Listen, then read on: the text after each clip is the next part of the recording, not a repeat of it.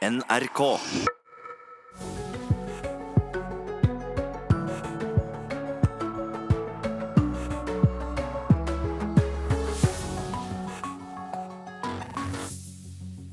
Mye er altså fortsatt uklart etter jordrasene i Jølster i går kveld. Minst 150 er evakuert, mobiltelefonnettet er borte, og både europaveien og fylkesveien er sperret. Hvordan opplevdes det, og hva skal folk gjøre nå?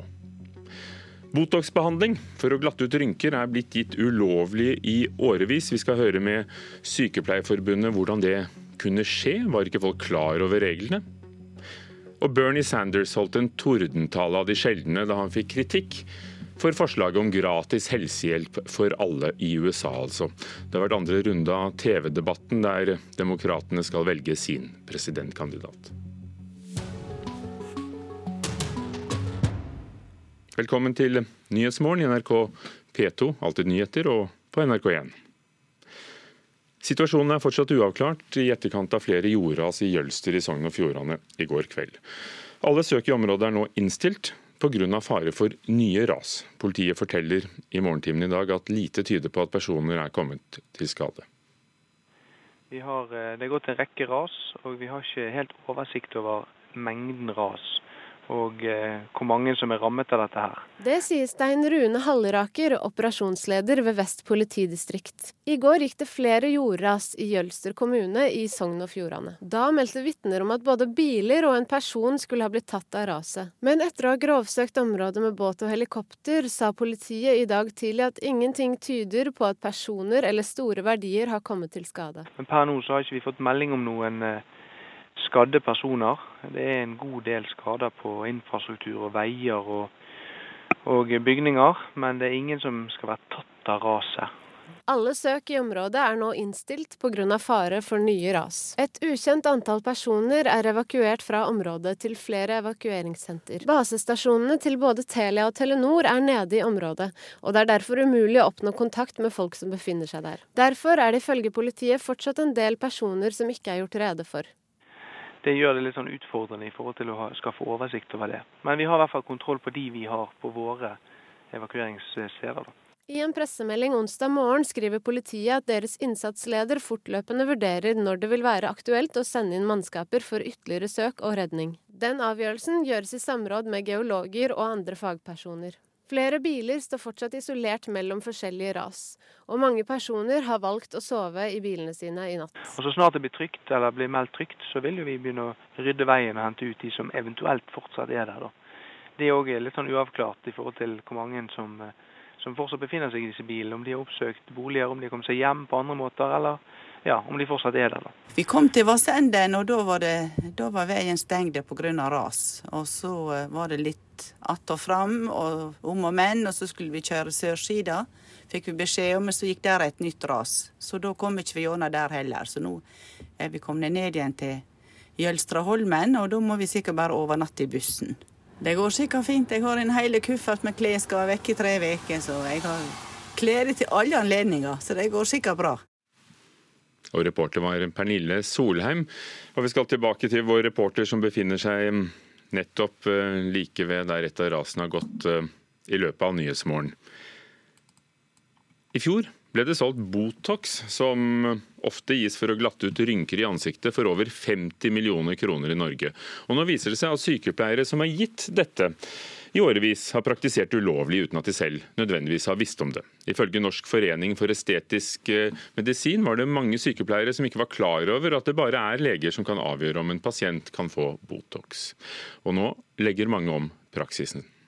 Den måten vi har, eh, eller hele bransjen har praktisert dette på, har vært feil. Det sier lege og styremedlem i Norfem, Norsk forening for kvalitet i estetisk medisin, Mirei Al-Mustafa. Bransjen, eh, stort sett, ikke alle, men stort sett så på dette som en skjønnhetsbehandling og at man ikke tenkte at dette er faktisk et reseptbelagt legemiddel, og indikasjonen skal stilles av en lege. Ifølge flere av kildene NRK har vært i kontakt med, har det vært en utbredt praksis at leger skriver ut botulinumtoksin, også kjent som Botox, uten å selv vurdere pasientene. Som sagt så er det jo veldig vanlig i denne bransjen her i Norge at sykepleierne jobber helt selvstendig i en egen klinikk. Eh, og det har vært gjort sånn, og da har man tenkt at det er helt greit, fordi det er det alle andre gjør. Det kom derfor som et sjokk på mange da Helsetilsynet i april offentliggjorde et vedtak mot en sykepleier og en lege. De to fikk en advarsel for å ha praktisert på nettopp denne måten. I etterkant av vedtaket etterlyste flere en klargjøring av retningslinjene for rekvirering og bruk av Botox. Det førte til at Helsedirektoratet i april publiserte en fortolkning av lovverket. Botulinumtoksin, som Botox, kan kun rekvireres av lege til humanmedisinsk bruk. Annet helsepersonell, som f.eks. sykepleiere, kan ikke beslutte at en person skal behandles med dette middelet. Denne måneden sendte en hudklinikk i Oslo ut en SMS til kundene sine, der de opplyste om at pasienter fra nå av må gå til legekonsultasjon før de kan gjennomgå denne typen behandling. Det at man nå får en tydeliggjøre, en klargjøring på hvem som, som har ansvaret, tenker jeg er bra, slik at det ikke eh, er noe tvil, eh, verken hos helsepersonellsida eller på, på forbrukersida. Det sier Anne Kristin Wie. Hun er fagdirektør for offentlige tjenester og helse i Forbrukerrådet. Det viktigste her er jo at vi nå får klargjort et regelverk som, eh, som veldig mange har praktisert feil i, i ganske mange år. Og det at man får en opprydning i det, tenker jeg er positivt. Dr. Mirei forteller at innstrammingen vil bety slutten for noen av de små aktørene som ikke har råd til å ha en lege på huset. Likevel mener Norfem at utviklingen er et steg i riktig retning. Det er bra at det kommer innstramninger. Eh, at Helsetilsynet har fått opp øynene for denne bransjen. Fordi her er det dessverre en del cowboys. Eh, og det går utover alle de andre som praktiserer på en seriøs måte og har dette som et levebrød. Hun tror at dette vil bidra til å luke ut useriøse aktører, og at pasienter derfor kan føle seg tryggere. Eh, Botox er tross alt et legemiddel, eh, og det er noen som har kontraindikasjoner mot det og, skal ikke ha det. Så er det noen som ikke trenger det. La oss si at de har en body dysmorphic disorder og egentlig skal ha psykologsamtaler og ikke en kosmetisk behandling. Det er Helsetilsynet som forvalter helselovgivningen, og som skal påse at helsepersonell jobber innenfor lovens rammer.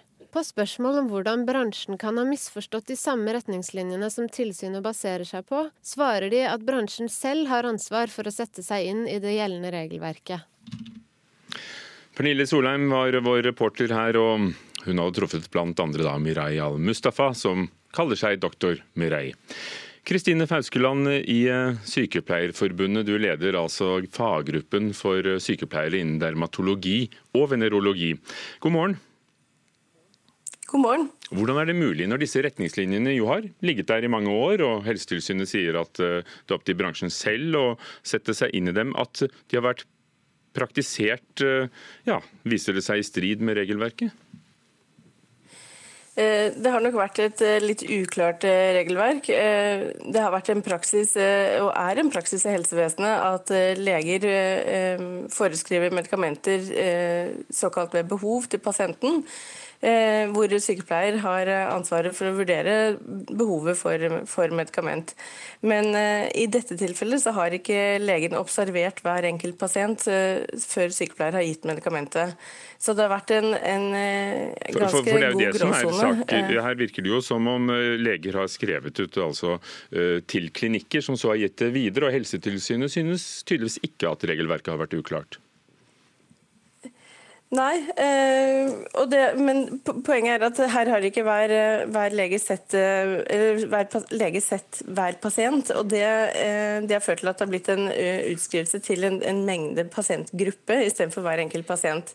Og, og, det ansvaret har vært Så her, I dette tilfellet så er det jo både sykepleier og lege som har begått en, en, feil i forhold til det regelverket som nå har blitt innstrammet og mer presisert. For Denne advarselen ble gitt da til en sykepleier og en lege i mai i år. Uh, hva har det ført til av forandringer for deres medlemmer, sykepleierne som driver med denne typen behandlinger? Eh, det kan godt hende, men jeg har som faggruppeleder ikke fått noen tilbakemeldinger fra mine medlemmer. Så, det, det, det kan være, men det vet ikke jeg direkte om, nei. Botox er altså en nervegift, botulinumtoksin, som vi hørte om, som gis bl.a. for å glatte ut rynker. Og så er det også snakk om to andre behandlinger i dette regelverket, nemlig ataxysklerol, her skal man holde tungen rett i munnen, og såkalt vampyrbehandling. Eh, hva betyr det for kundene som ønsker seg et glattere fjes, at dette regelverket er strammet inn? Eh, jeg syns nok at eh, det er bra at det har blitt klare regler på dette, nettopp fordi det er reseptbelagte legemidler. Og det vil en, føre til en tryggere behandling og en, en, en, tryggere oppfølging av pasienten. Men Betyr det at det er vanskeligere å få denne behandlingen, at det kan bli dyrere, at det blir mindre tilgjengelig? Eh, det kan det være, eh, men jeg tenker at det også kan føre til at de pasientene eh, som, som har behov for det, vil få det. Og de pasientene som ikke, ikke har dette behovet, sånn som doktor Murray også nevnte, er at de som ikke har kanskje ikke har det store behovet, vil kanskje kunne lettere få en bedre konsultasjon og, og, og en riktigere konsultasjon, at de ikke får denne behandlingen. Betyr det at de, i alle disse årene, og det, hvis vi holder oss i den ene behandlingen, nemlig Botox, så har de jo virkelig skutt i været siden 2014. Da ble det solgt altså for 10 millioner kroner i Botox. I fjor ble det solgt for over 50 millioner kroner. Tall fra Reseptregisteret gjengitt i, i bladet Sykepleien. Betyr det at i alle disse årene så har denne behandlingen egentlig innebåret en, en for stor risiko for pasienter? Eh, risikoen vil jo selvfølgelig bli mindre med et strengere regelverk. Eh, nå skal det sies at Botox eh, blir brukt i svært mange diagnoser i Norge, og flere og flere medisinske diagnoser også, ikke bare kosmetisk behandling. Så den økningen av Botox er nok også grunnet annen medisinsk behandling. Men, men på den annen side så har den kosmetiske, den plågiske bransjen skutt i været, og, og det er jo derfor på tid nå å, å være klar over disse reglene, sånn at de følges. Og eh, Norfem, eh, som ble nevnt her, også er jo, eh, er jo med på å, å, styre denne utviklingen i riktig retning. Sånn at det ikke blir en bransje som, som, eh, som det blir sagt, eh, ikke, ikke, har kontroll på behandlingen, men at det er en, en sunn bransje med en seriøs eh, behandling, seriøse sykepleiere som driver. Takk skal du ha, Kristine Fauskeland i Sykepleierforbundet og faggruppen for eh, bl.a. dermatologi. Eh, og så er altså Norfem, det er Norsk forening for estetisk medisin.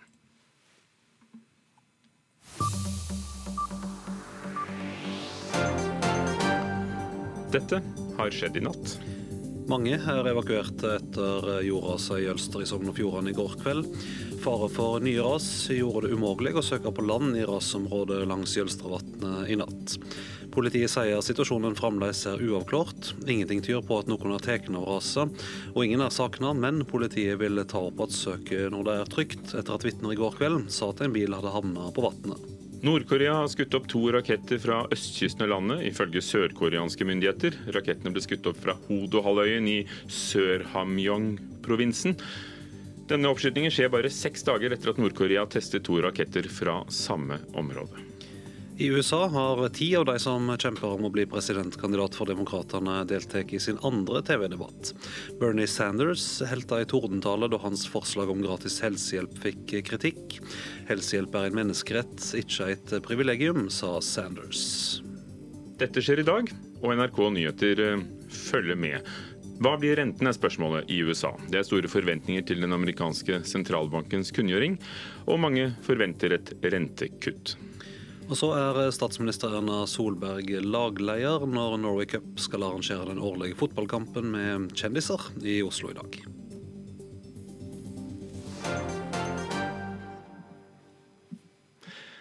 Og takk til eh, Vidar Eidhammer eh, som var med på denne oppsummeringa av hva som har skjedd og hva som sannsynligvis kommer til å skje. Eh, og Der nevnte vi jo debatten i USA. I Detroit i natt startet ti av utfordrerne som kjemper om å bli presidentkandidat for Demokratene på runde to av fjernsynsdebattene. Et av temaene var forslaget fra den 77 år gamle kandidaten Bernie Sanders, altså, om gratis helsehjelp til alle. The answer is to get rid of the profiteering of the drug companies and the insurance companies, move to Medicare for all. But now he's talking about a different issue. What I'm talking about is really simple. We should deal with the tragedy of the uninsured and give everyone health care as a right. But why do we got to be the party of taking something away no, from people? No one is the party. Hold hold That's what second, they're Senator. running on. They're no. running on telling half the country that your health insurance is illegal. It says it right in the bill. Som vi hørte her, Sanders først, som ønsker å gi gratis helsehjelp til alle. Og han fikk motbør fra John Delaney, som mener at det ødelegger for dem som har privat helseforsikring. Hilmar Milde, USA-ekspert og uh, postdoktor, som det heter, forsker ved Institutt for sammenlignende politikk ved Universitetet i Bergen. Ja, hvem uh, vil du si gikk seirende ut av denne debatten? Eh, helt klart eh, Bernie Sanders og Elizabeth Warren, som begge to er senatorer. Eh, og Vi så i natt at nå trer de interne frontene i, partiet fram. Du har jo da sentrumsfløyen som er ledet av tidligere visepresident Joe Biden. Og så da de venstreradikale, som er Sanders og Warren. Og Det er helt klart venstrefløyen som har energien i partiet nå. Eh, og eh, Vi ser egentlig at partiet nå er på sitt mest eh, venstreorienterte siden 1972. Når de nominerte den liberale George McGovern og tapte ja, 49 delstater mot Nixon. Og Når du sier venstreorientert, kan du orientere oss da i forhold til hvordan vi regne retningene i Norge? Ja, altså Det er venstreorientert i en amerikansk eh, kontekst. Det betyr helt eh, konkret at kandidatene nå tar mye klarere til orde for et slags europeisk helsevesen i USA, med en mye større, mye større offentlig innslag. Noe lignende en slags nordisk velferdsstat i USA. Da er det skikkelig trøkk bak nå på venstresida i Demokratene. Og så har de òg en superliberal holdning til innvandring. Eh, og hele problematikken på grensen mot Mexico. Eh, de er veldig sånn pro, pro eh, slags altså sånn, ja, Mest mulig liberale eh, ordninger for de som prøver å ta seg inn via Mexico. Og så er det dette sterke, sterke fokuset på såkalt identitetspolitikk. Altså at man nå eh, fokuserer veldig på å løfte opp og fram de etniske minoritetene i USA. Og i tillegg da eh, kvinnekamp. Warren og Sanders fikk desidert mest taletid. Elizabeth Warren 18 minutter og 33 sekunder. Sanders 17 minutter og 45 sekunder. Ehm, tjener de, på, altså tjener de på å stå sammen på den måten de gjorde? For det ble vel i stor grad dem mot eh, røkla, mot de andre? Ja, altså Disse debattene de, vinnes, de blir vunnet som regel av, eh, eller alltid av de som klarer å skape såkalte øyeblikk.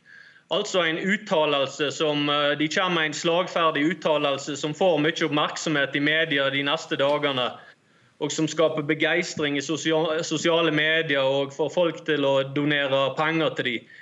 Både Sanders og Warren eh, hadde sånne øyeblikk. Eh, spesielt eh, Warren hadde et sånt øyeblikk eh, da hun sa at vi må våge å være ambisiøse. Det var akkurat da Lyndon B. Johnson sa i 1964, da han dundra gjennom noen av de største og viktigste reformene i amerikansk historie.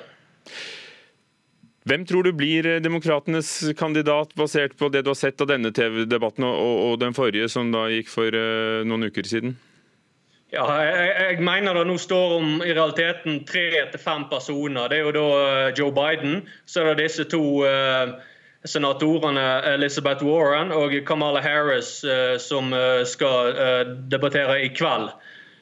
Joe Biden har historisk sett best odds. Alle visepresidenter som har stilt senere som presidentkandidater, de har vunnet i moderne tid. Og Da tenker jeg på Nixon, jeg tenker på Humphrey, jeg tenker på Walter Mondale, jeg tenker på George Bush og Al Gore. Så historien er på Bidens side, men jeg lurer rett og slett på om Biden er i ferd med å bli for gammel. Takk skal du ha. Hilmar Bjelde, USA-ekspert og mm, tilknyttet Universitetet i Bergen.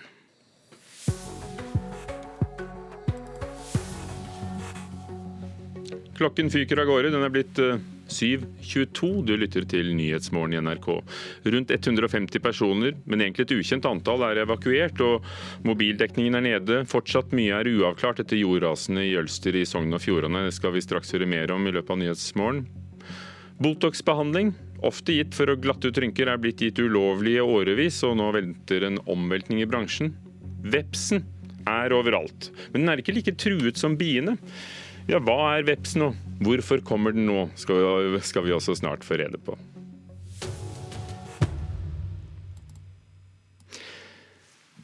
Linda Olin Reite, vår reporter på Vassenden i Jølster i Sogn og Fjordane. Du bor 100 meter fra der et av rasene gikk. Hvordan opplevde du kvelden og, og det som skjedde?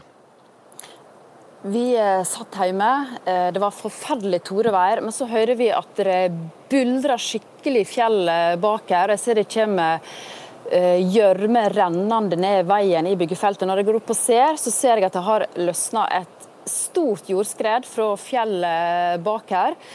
Og elva som går gjennom byggefeltet, Årsetelva, den er jo vokst over alle bredder. Den har dratt med seg Det er stein, mold, tre i elva. Går helt tett inn på husene i byggefeltet, men har heldigvis da gått klar av husene. De som bodde tettest, eller bor tettest inn på husene, var jo blant de som ble evakuert i natt. Hva vet du om hvor store skadene er, og hvor mange som er berørt? Jeg hadde meg en runde i Jølster i går for å se på skadene sjøl, og jeg ser jo det at det er flere hus som har fått skred veldig tett innpå seg. Det er ganske utrolig at det har gått så bra. Flere plasser så har skredene stoppa, gått rundt huset eller stoppa før den har kommet til huset. Elvene her er enormt store nå. Jeg står på terrassen her og ser utover Jølstra, som renner fra Jølster til Førde. er enormt stor, og det er ganske annet landskap enn det vi er vant til å se. Da. Og det har jo regna fortsatt ganske mye i natt. Nå begynner det å roe seg, men fortsatt kommer det nedbør. Vi snakker jo med deg nå, men mobiltelefonnettet er borte i store deler av området, ikke sant? Ja, det stemmer. Det er det. Vi fikk strømmen tilbake i natt. Da fikk vi òg nettdekning. Men mobilnettet det er fortsatt nede. Det har egentlig vært siden i går ettermiddag. Hva skjer videre i dag? Jo, altså, Nå er det jo 150 stykker som er evakuert. Noen av dem er faktisk hjemme hos meg. Folk har åpna heimene sine.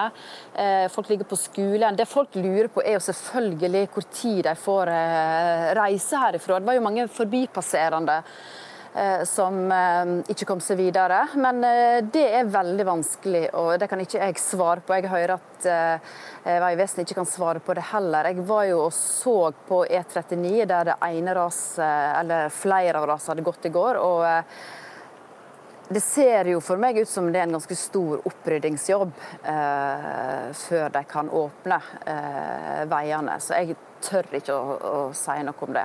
Og det er vannet vi hører i bakgrunnen, er det ikke det? Du hører regnet, og du hører nok elva òg, som eh, renner forbi her. Takk skal du ha.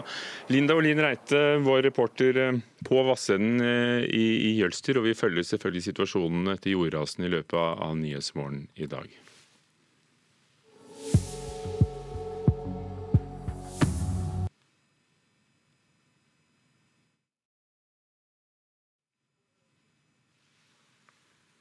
Plutselig er de overalt. Bare hør.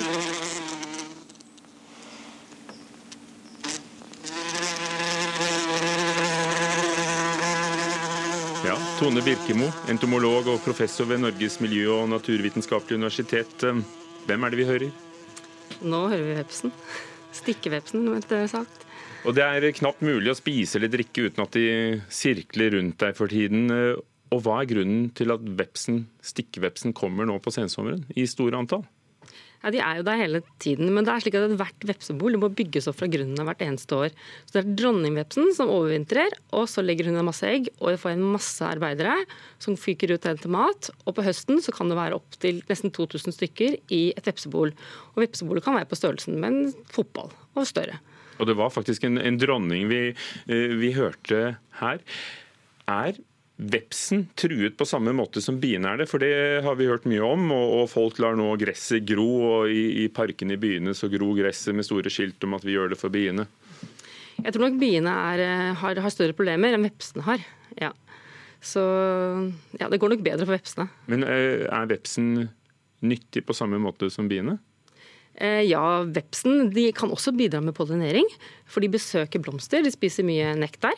Eh, og I tillegg så er det jo veldig mange, og når de er mange, så kan de få flytte mye pollen fra blomst til blomst. Og I tillegg så er um, stikkvepsen de er slik at de um, spiser mange andre insekter. og Det gjør at enkelte insekter ikke får sjansen til å bli så mange. Så de kan holde enkelte arter nede. Så vi burde kanskje egentlig se med litt blidere øyne på stikkevepsen når vi tenker på at den både pollinerer og holder andre insekter unna? Ja, hvorfor ikke? Jeg tenker at Det er en viktig del av vårt, eh, våre økosystemer. Viktig del av naturen vår. Og Et litt matnyttig råd der. Hva, hvordan best forholde seg når de kommer? Eh, noen får panikk? Andre later som de er rolige? Ja, Det å hoppe opp og ned og veie med armene, det er ikke noe triks for å klare å ikke bli stukket. For det er jo pga. at vepsen, stikkvepsen stikker. Da. Det er jo derfor vi, vi syns det er ubehagelig at den er der. Så hold det rolig, og eventuelt vær litt bestemt og dytt det vekk. Men når stikker den? Eh, den stikker når den blir eh, redd, føler seg truet. Den er jo i nærheten av oss for å få tak i den maten vi spiser. Og særlig sånn på høsten så spiser de jo mye sukker. Og hvis det er for vi drikker saft eller andre ting, som er søtt, så er de jo veldig på. Selv om de kan også gå på en biff for den saks skyld. Så de er ute etter mat. Så det er mest når de blir, føler seg truet av oss, at de stikker oss.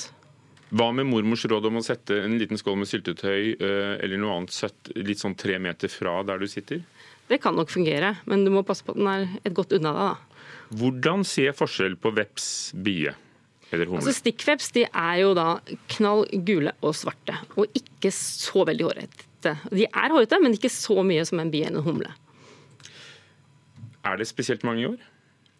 Ja, det som er, det er jo at eh, ja, altså, Jeg har så ganske mange veps tidlig på våren, men jeg har ikke sett noe særlig nå på sensommeren. Og det vi vet, det er jo at hvis det er en varm og tørr forsommer, så får vi mange veps på høsten. Og I tillegg er det slik at noen år så er det mye veps, og rett bare lite. I fjor var det ganske mange, så vi forventer at det skal være færre. Og i tillegg så er det slik Takk. at på Takk skal du ha, Tone Birkemo, professor. Store skader på veier etter raset i Jølster. Mange er evakuerte, men ingen er foreløpig meldt savna. Kosmetiske sykepleiere har drevet ulovlig Botox-behandling i flere år. Politikere reagerer sterkt etter at kjendisadvokat sextrakasserte stortingsrepresentant på Twitter. Her er NRK Dagsnytt klokka 7.30. Situasjonen er fremdeles uavklart etter flere jordras i Jølster i går kveld. Søka i området er innstilt grunnet fare for nye ras, men det er foreløpig lite som tyder på at noen har blitt skadde, ifølge politiet. Har, eh, det er gått en rekke ras, og vi har ikke helt oversikt over mengden ras. Og eh, hvor mange som er rammet av dette her. Det sier Stein Rune Halleraker, operasjonsleder ved Vest politidistrikt. I går gikk det flere jordras i Jølster kommune i Sogn og Fjordane. Men etter å ha grovsøkt området med båt og helikopter, sa politiet i dag tidlig at ingenting tyder på at personer eller store verdier har kommet til skade. Det er en god del skader på infrastruktur og veier og og bygninger, men det er ingen som skal være tatt av raset. Alle søk i området er nå innstilt pga. fare for nye ras. Et ukjent antall personer er evakuert fra området til flere evakueringssenter. Basestasjonene til både Telia og Telenor er nede i området, og det er derfor umulig å oppnå kontakt med folk som befinner seg der. Det gjør det litt sånn utfordrende i forhold til å skaffe oversikt over det. Men vi har i hvert fall kontroll på de vi har på våre evakueringssteder. I en pressemelding onsdag morgen skriver politiet at deres innsatsleder fortløpende vurderer når det vil være aktuelt å sende inn mannskaper for ytterligere søk og redning. Flere biler står fortsatt isolert mellom forskjellige ras, og mange personer har valgt å sove i bilene sine i natt. Vi kom til Vassenden, og da var, det, da var veien stengt pga. ras. Og så eh, var det litt att og fram og om og men, og så skulle vi kjøre sørsida. Fikk vi beskjed om, men så gikk der et nytt ras. Det går sikkert fint. Jeg har en hel kuffert med klær, skal være vekke i tre uker, så jeg har klær til alle anledninger. Så det går sikkert bra. Det sa Randi Nesje Kråkenes, som var en av ni passasjerer i en buss som ble sperra inne av raset. Reporter Pernille Solheim. Med oss nå reporter Linda Olin Reite. Du bor i Vassenden, som, eh, og bor bare 100 meter fra det store raset som gikk gjennom et eh, byggefelt der. Eh, hvordan opplevde du dramatikken? Jo, vi hørte at det buldrer i fjellet bak her. Det kommer brunt eh, vann rennende ned byggefeltet. Når jeg er borte og ser, så ser jeg jo at elva har vokst seg enormt stor. Det har løsna mye jord. Et stort jordskred opp fra fjellet har dratt med seg eh, mye jord, leire, stein. Eh, tre har gått helt tett inn på husa i byggefeltet her. Men eh, heldigvis eh, så har jo ikke noen av de husene blitt eh, tatt. Men de personene som bodde i de husene ble selvfølgelig da evakuert i natt. Hvordan ser det ut i kommunen nå? Det er Elvene her er helt enormt store. Jeg hadde en rundtur i går før det ble mørkt. Det er store elver, og flere plasser så har det gått ras som er veldig tett inn på folk. Folk har jo sett et ras komme, sprunget ut av eh, huset. Eh, og har mange som har fått dramatikken veldig tett eh, innpå seg. Jølstrevatnet, dere hører kanskje elva som renner forbi her. Den er brun. Jølstrevatnet er brun, så det er et ganske annet landskap, rett og slett, som folk våkner opp til i dag. Ingen er foreløpig meldt skadde eller savna, men hvordan har situasjonen vært for de råka? Eh, nå har jo eh, folk blitt eh, evakuert, da, som sagt, og folk har blitt tatt ganske godt hånd om her. Det har vært innlosjert privat hos folk, folk har bodd på gymsalen. Jeg har sjøl folk i huset mitt som ikke kom seg fram. Sånn at, og folk i bygda har stilt på. Røde Kors har mobilisert, laga mat, funnet sengeplasser. Sånn at det har jo løst seg på best mulig måte, da, kan en si. Reporter Linda Olin Reite med oss fra Vassenden eh, i Ølster. Du kan eh, lese mer om Rasøy kommunen og se bildet på nrk.no. I flere år har eh, kosmetiske sykepleiere praktisert ulovlig, uten selv å vite om det. Ifølge bransjeorganisasjonen Nord5 var det nemlig mange som ikke var klar over at det bare er leger som har lov til å avgjøre om en person kan få Botox eller ikke. Og nå gjør mange om på praksisen sin. Eh, måten vi har, eh, eller hele bransjen har praktisert dette på, har vært feil. Det sier lege og styremedlem i Norfem, Norsk forening for kvalitet i estetisk medisin, Mirei Al-Mustafa. Ifølge flere av kildene NRK har vært i kontakt med, har det vært en utbredt praksis at leger skriver ut botulinumtoksin, også kjent som Botox, uten å selv vurdere pasientene. Det kom derfor som et sjokk på mange da Helsetilsynet i april offentliggjorde et vedtak mot en sykepleier og en lege. De to fikk en advarsel for å ha praktisert på nettopp denne måten. Det førte til at Helsedirektoratet i april publiserte en fortolkning av lovverket. Det at man nå får en tydeliggjøre, en klargjøring på hvem som, som har ansvaret, tenker jeg er bra, slik at det ikke er noe tvil. Det sier Anne Kristin Wie. Hun er fagdirektør for offentlige tjenester og helse i Forbrukerrådet. Denne måneden sendte en hudklinikk i Oslo ut en SMS til kundene sine, der de opplyste om at pasienter fra nå av må gå til legekonsultasjon før de kan gjennomgå denne typen behandling. For noen sykepleiere så har det nesten vært slutten på deres klinikk, fordi de har jo ikke en lege tilgjengelig hele tiden, og de har ikke mulighet til at deres ansvarlige lege skal se på hver enkelt pasient. Likevel mener Norfem at utviklingen er et steg i riktig retning. Fordi her er det dessverre en del cowboys. Eh, Botox er tross tross alt et legemiddel. Eh, og det er noen som har kontraindikasjoner mot det, og så er det noen som ikke trenger det. La oss si at de har en body dysmorphic disorder og egentlig skal ha psykologsamtaler og ikke en kosmetisk behandling. Reporter Pernille Solheim. En mann er arrestert etter skyting mot et hus på Bjerke i Oslo i natt. Flere meldte at de hadde hørt eh, flere skudd like før klokka tre, forteller operasjonsleder Tore Jøkling i politiet. Vi sendte flere patruljer eh, til stedet. Og i løpet av kort tid så fant vi en bolig i dette området hvor eh, som bar preg av å ha blitt beskutt med et skytevåpen. Etterforskning videre i saken Eh, har da ledet oss til en pågripelse av en mistenkt i Oslo sentrum, som foregikk eh, veldig udramatisk. Vi jobber fortsatt nå med eh, undersøkelser rundt åstedet og gjerningsmannen. Relasjoner eller ikke relasjoner. Den mistenkte som er tatt i Oslo sentrum, blir pågrepet og kjørt arresten og vil da bli avhørt etter hvert. Frode Berg er fremdeles varetektsfengsla i Moskva, stadfester hans norske advokat Brynjulf Risnes. Etter at Frode Berg ble dømt til 14 år i fengsel for spionasje i april, skulle han bli flytta til soning i et annet fengsel. Men dette er et tegn på at statene nå prøver å finne en løsning for Berg, sier Risnes til NRK. Seksuell trakassering er et demokratisk problem. Det sier Høyre-politiker Tina Bru etter at det i går ble kjent at en høyt profilert advokat hadde skrevet upassende meldinger til stortingsrepresentant Lene Westgård Halle, reagerer nå flere politikere. Altså jeg har selv følt på at eh, jeg syns det kan være ubehagelig til tider å mene noe om kanskje særlig temaer som er kontroversielle, fordi du vet at det kommer en storm av stygge meldinger tilbake. Stortingsrepresentant og leder i Høyres kvinneforum, Tina Bru, snakker om trakassering og hets på internett. I går kveld skrev NRK om den profilerte advokaten Arne Selands bemerkninger overfor stortingspolitiker Lene Westgård-Halle. Den inneholdt svært seksuelle toner. Kommentaren kom som et svar på en Twitter-melding politikeren hadde lagt ut om klimautslipp.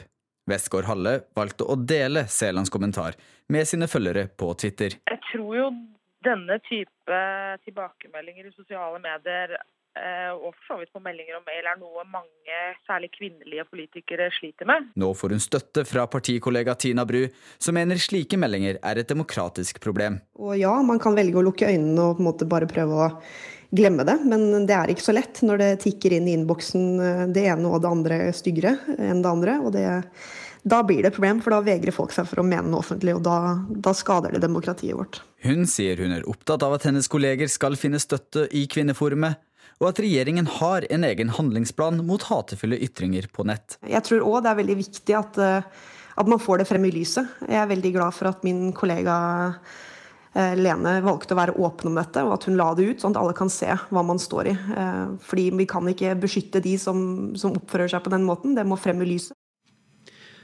Reportere var Einar Lone Bjørud, David Voislav Krekling og Veronica Turnage. Ansvarlig for sendinga Anne Skårseth. Her i studio Vidar Eidhammer.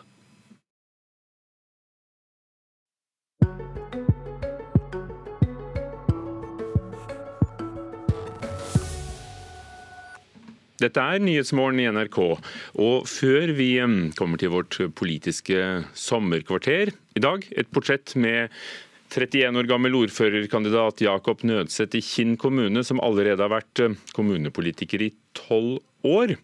Eh, før det, det kommer om et kvarters tid, så skal vi høre om hva som skal til for å få en jobb. Fordi eh, CV er jo selvfølgelig essensielt, og jobbsøkere bør også bruke litt mer tid på selve søknaden og på CV-en. For en kjedelig CV det havner som regel nederst i bunken, mener markedsleder i Nav Elisabeth Lie Nilsen. Per Ivar Reine er eh, en som har tatt dette på alvor og laget en jobbsøknad utenom det vanlige.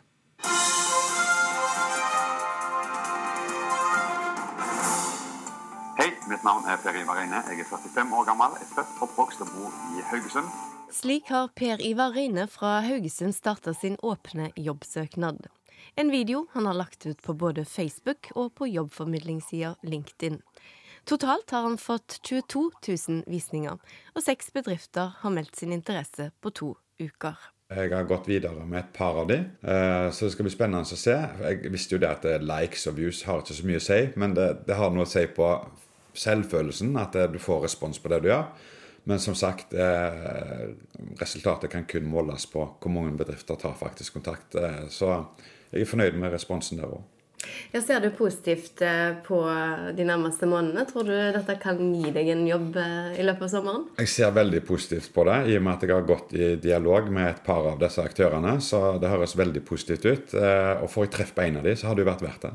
Markedsleder i Nav Elisabeth Lie Nilsen applauderer denne typen søknader, selv om den ikke kan brukes til alle typer jobber. Hun mener altfor mange havner nederst i bunken fordi søknaden og CV-en deres er for kjedelige. Altfor store mengder av de søknadene vi ser, i alle fall, er veldig generelle, og er liksom basert på de generelle jobbsøkerrådene som ligger rundt omkring de fleste steder. Og det er klart at når alle bruker dem, er det vanskelig å skille seg ut fra en mengde, da. Og jeg tenker at eh, det er nok ikke alle som gjerne kan bruke eh, kanskje video, eller Men det er liksom ja, jeg tenker Det handler om å finne en måte som gjør at eh, noen får lyst til å stoppe med akkurat din jobbsøknad, uansett om du da velger en helt vill variant, eller om du en mild variant, for å si det sånn. Li Nielsen mener også at man ikke bør sende ut den samme søknaden til flere bedrifter. Trender for øyeblikket er korte videosnutter, men også CV-er på små visittkort. CV-en blir gjerne lagt i en bunke som ikke er sånn veldig i fjeset, mens visittkort ofte blir gjerne lagt litt foran folk på pulten, og det er ikke så raskt å kaste kanskje et visittkort. Hvis, eh, de, de husker det gjerne bedre. Så det er òg en sånn lite tips som vi ser at eh, folk gjør litt mer av nå enn før. Per Ivar Reine er utdanna lærer, men han har også jobba som selger, programleder, maler, bartender og DJ.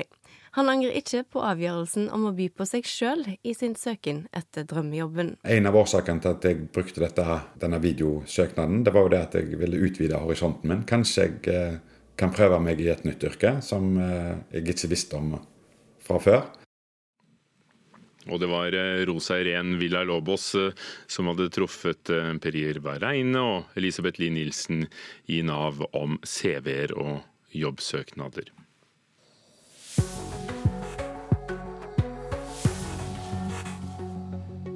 Klokken er eh, straks 7.44. Eh, Store skader på veier etter rasene i Jølster i Sogn og Fjordane. Mange er evakuert, men ingen er meldt savnet foreløpig. Kosmetiske sykepleiere har drevet ulovlig Botox-behandling i flere år. Og Bernie Sanders holdt litt av en tordentale under den andre av to TV-sendte debatter i USA der demokratene skal velge sin presidentkandidat. Jakob Nødseth er 31 år gammel, men har vært kommunepolitiker i tolv år allerede. I år stiller han til valg igjen, denne gangen som ordførerkandidat i den nye Kinn kommune i Sogn og Fjordane, for partiet Venstre, som er det tredje partiet han stiller til valg for. Vi sitter her på kafé i Norges vestligste by. Jakob Nødseth, eh, hvordan vil du skildre Florø for de lytterne som eh, ikke har vært her og ikke har et bilde av byen? Florø er jo en, en, enestående perle, selvfølgelig. Ehm, det er mange som omtaler det som en sørlandsidyll på Vestlandet, og det tenker jeg er en, en riktig beskrivelse. Så ser vi jo en by som klarer å modernisere seg på veldig mange punkt, eh, og samtidig henger etter på en del viktige byutviklingstiltak. Det er en del store eiendommer midt i byen som får stå til forfall. Så det er jo noe av det som motiverer meg til å drive med lokalpolitikk, at man kan prøve å gjøre noe med sånne ting. Ja, for Du vil bli ordfører i den nye kommunen som skal begynne nå fra 1.1.2020, Kinn kommune. Hvorfor vil du det? Hva er det du vil gjøre med kommunen? Altså, etter tolv år som lokalpolitiker i Flora kommune med Florø som, eh, som senter, så var jeg egentlig klar til å gi meg og satse på en karriere som advokat eller uh, gjøre noe annet. Men så har vi jo nå uh, gått gjennom en, en, kommunesammenslåing. Så nå er det ikke bare én by, nå er det to byer i den nye kommunen, nye Kinn kommune. Og det gjør det langt mer interessant å drive med lokalpolitikk. Hvorfor det? Nei, Det er jo uh, noe med at um, offentlig sektor trenger omstilling. Offentlig sektor trenger å se på strukturer og måten man leverer uh, velferd og andre tjenester på. Og da er jo dette en, noe kjempespennende som man sannsynligvis ikke får muligheten til å være med på seinere. Så det er for meg veldig motiverende å være med å tegne en kommune på nytt. Denne nye Kinn kommune for de som ikke er klar over det, har jo blitt skildra som Norges rareste kommune. Kanskje fordi at de to kommunene som blir slått i lag, ikke grenser til hverandre. Det ligger en stor kommune, Bremanger, midt imellom. Mellom de to byene som du nevner, Måløy og Florø, så er det jo to timer i alle fall å kjøre hvis du treffer på ferja. Det er en litt rar kommune, du må innrømme det. Jeg vil si det er en original kommune. og den er jo uh, selvfølgelig uh, annerledes enn ganske mange andre kommuner. Så er det jo rart, syns jeg, at man i 2019 um, henger seg så opp i at det ligger en kommune i, i, i, midten. Det er klart at Hvis man har et utgangspunkt at eh, det er kartet som skal, skal styre ene og alene, så er jo det en spesiell kommune. Men avstanden mellom Måløy og Florø blir ikke kortere av om man kjører gjennom sin egen kommune eller en annen. Men noen vil jo kanskje si at det viser at kommunereformen ikke skaper kommuner som er bedre for innbyggerne, når de to byene ligger så langt fra hverandre, når tjenestetilbudet fortsatt skal være i begge disse byene. For det vil ikke være mulig å, å gjøre det på en annen måte. Så hva er det egentlig som blir bedre for innbyggerne? Um, jeg tenker at kommunesammenslåing må man gjøre en konkret vurdering av. Jeg, eh, I 2015 og 2016 eh, spesielt, så var Flora kommune i prosess med Førde kommune, som ligger like øst for, for oss, og, andre kommuner i Sunnfjord. og Der var jeg en tydelig kritiker til at Flora kommune skulle slå seg sammen der. Nettopp fordi jeg ser ikke at man har noe interessefellesskap politisk med Sunnfjord kommune. De tingene som man der naturlig kan samarbeide om, eh, trenger man ikke kommunesammenslåing for å, for å løse. Det som har vært problemet i Sogn og Fjordane over tid, slik jeg ser det, har vært at eh, man har satsa på kunstige senter innover i fylket. Eh, mens eh, kysten har blitt forsømt. Hvis man reiser langs vestlandskysten ellers, enten Møre og Romsdal, Hordaland eller Rogaland, har man målretta satsa på statlig og regional tilstedeværelse i byer som har et aktivt offensivt utadretta næringsliv. I Sogn og Fjordane har man tenkt motsatt. Mm. Og det er jo det Kinn kommune handler om. At Måløy og Florø eh, slår seg sammen eh, nettopp for å få en tydeligere stemme. Eh, og prøve å, å, forløse det store potensialet som er eh, på vestlandskysten. Men for folk som skal til kommunehuset, så blir det jo bare lengre vei å reise. Hva, hvordan tjener dette innbyggerne? En av de tingene vi har knesatt, er jo prinsippet om et delt kommunesenter. Det betyr at de brukernære tjenestene skal man få eh, nær der man bor, enten det er Måløy eller Florø. Um, stadig færre oppsøker kommunehuset. Det er jo litt av poenget òg her. da. At i 2019 og i årene som kommer, så vil fysisk fremmøte på et rådhus uh, være mindre og mindre viktig. Men hvis alt skal være som før, hva er da poenget? Um, poenget er at alt skal ikke være som før. Man skal klare å snakke med en tydeligere stemme. Uh, man skal prøve å forene seg i saker som er, er viktige, der man rett og slett ikke har lykkes å samarbeide uh, så langt. Jeg tror det at, altså For mange vil det nok virke underlig at ikke kysten har klart å, å samhandle tettere om enten det er veiprosjekt eller næringsutvikling eller hva det nå skulle være. Og Det er jo det man nå prøver å gjøre noe med. Og Så vet vi jo det at eh, eh, det vil ikke lønne seg å stå alene. Og vi ser en stor utvikling eh, i kommunesammenslåing i Sunnfjord, kommunesammenslåing i Sogn, eh, kommunesammenslåing eh, eh, mellom Eid og Selje kommune til Stad kommune. Samtidig som vi har det gode tiltaket med at Sogn og Fjordane og Hordaland blir slått, blir slått sammen. Og da er jo spørsmålet, Skal vi stå alene som mindre enheter, eller skal vi tenke større for å få større tyngde? Det valget var for oss ganske enkelt. Men hvis dere skal snakke med ei samla stemme, så må dere kanskje bli enige om hvilke av de to byene som skal vokse da, og ved senter? Er det Florø eller Måløy, tenker du? Jeg tenker at Premisset for spørsmålet er ikke riktig.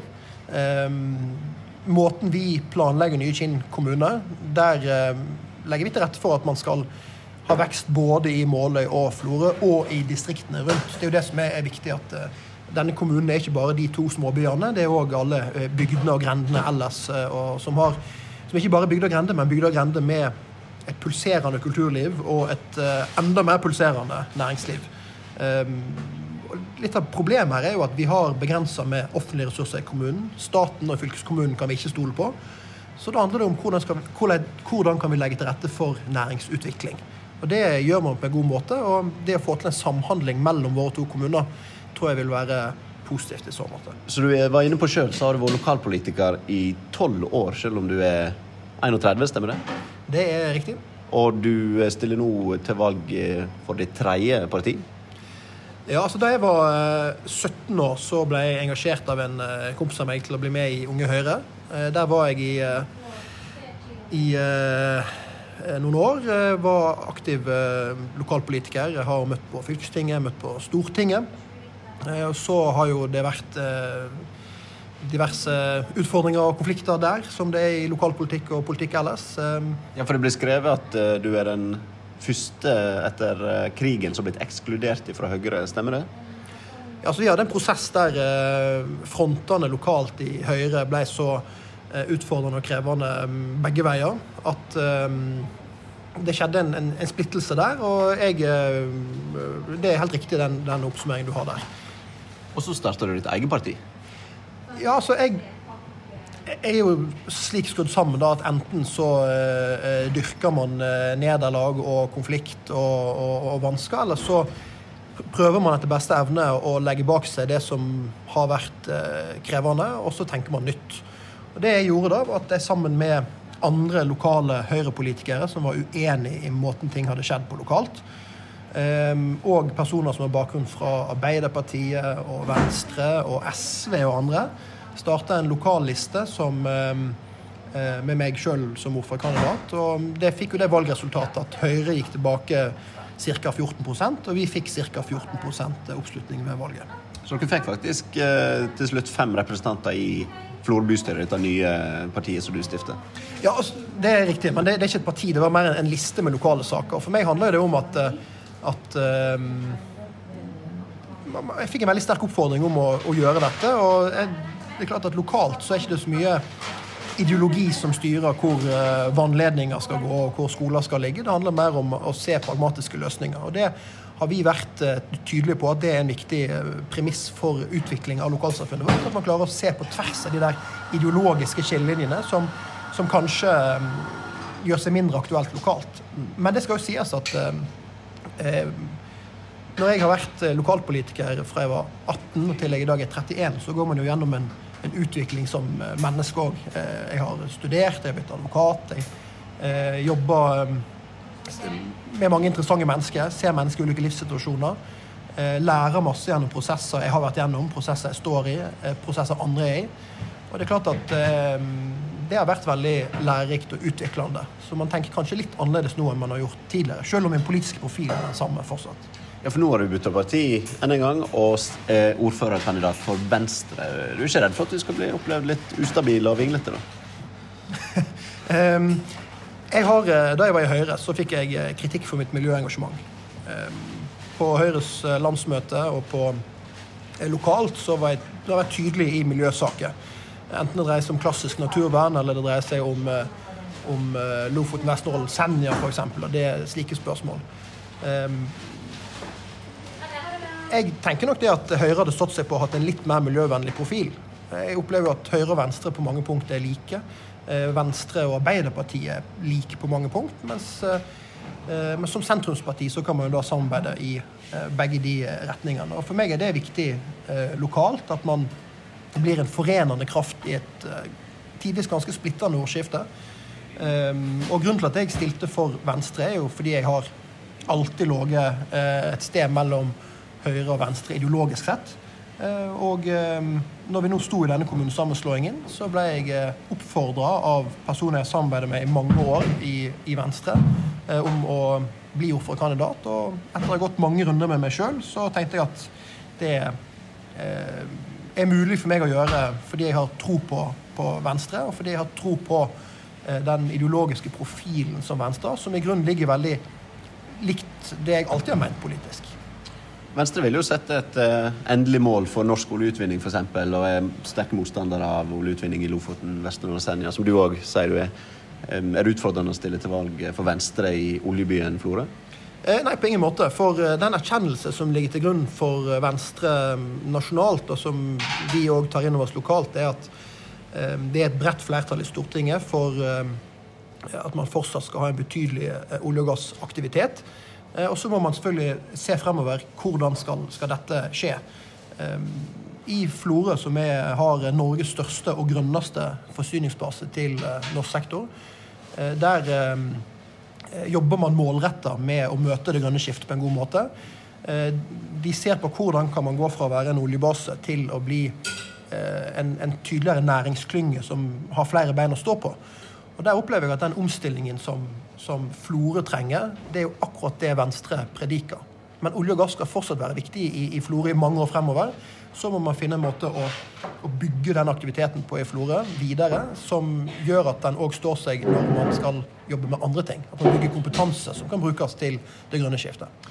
Men inntil videre så er folketallet i Florø på rask vei nedover, så det haster å få på plass eh, denne nye kompetansen. Ja, det er klart at Florø eh, har ca. Eh, litt i underkant av 12 000 innbyggere. Og det varierer. Det ligger ganske eh, stabilt. Vågsøy på rundt 6000 innbyggere. Og så har du denne Bremanger i midten på like under 4000.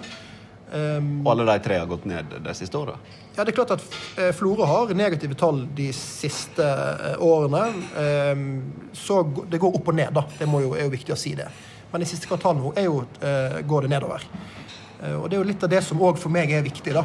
Uh, det er nå et være eller ikke være for kysten av Sogn og Fjordane. Man er nødt til å komme inn med nye, klare tanker for å bli et sted der unge mennesker vil, vil flytte til. og det er litt av det som, eller det er egentlig det som motiverer meg til å gå på atter en periode lokalt. nettopp fordi at vi står nå ved et veiskille. Enten så lykkes man her, eller så må man si at nok en gang så blir man forbigått av andre. Men for en oljearbeider da, som jobber på oljebasen i, i Florø, så kan det hende at det høres litt sånn svevende ut. altså Det grønne skiftet, vi er nødt til å omstille oss. Inntil videre så går eh, folketallet ned, de mister arbeidsplasser i oljesektoren. Hva skal de jobbe med hvis de ikke skal jobbe med olje? Vi hadde nylig eh, besøk av eh, klima- og miljøministeren i, eh, i Florø. og Han eh, ble veldig godt tatt imot her. Han møtte det offensive, dynamiske næringslivet vi har her. Og Hans budskap er jo at han er den grønne næringsministeren. Og Det tenker jeg er et, eh, et, Venstre som jeg gjerne ser mer av nasjonalt.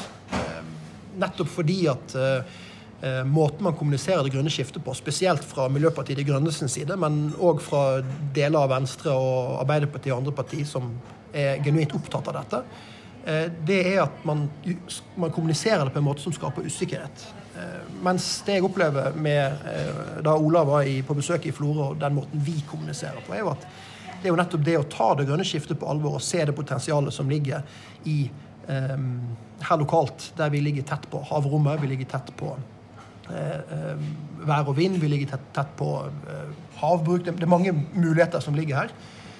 Um, og det å ta det på alvor og, og møte uh, det grønne skiftet på en, en, måte som tydelig får fram at det handler om å skape arbeidsplasser, ikke miste arbeidsplasser, det tror jeg blir tatt imot på en god måte. Men det er vel ingenting som tyder på at havbruk eller vindkraft kan erstatte alle de arbeidsplassene i oljesektoren?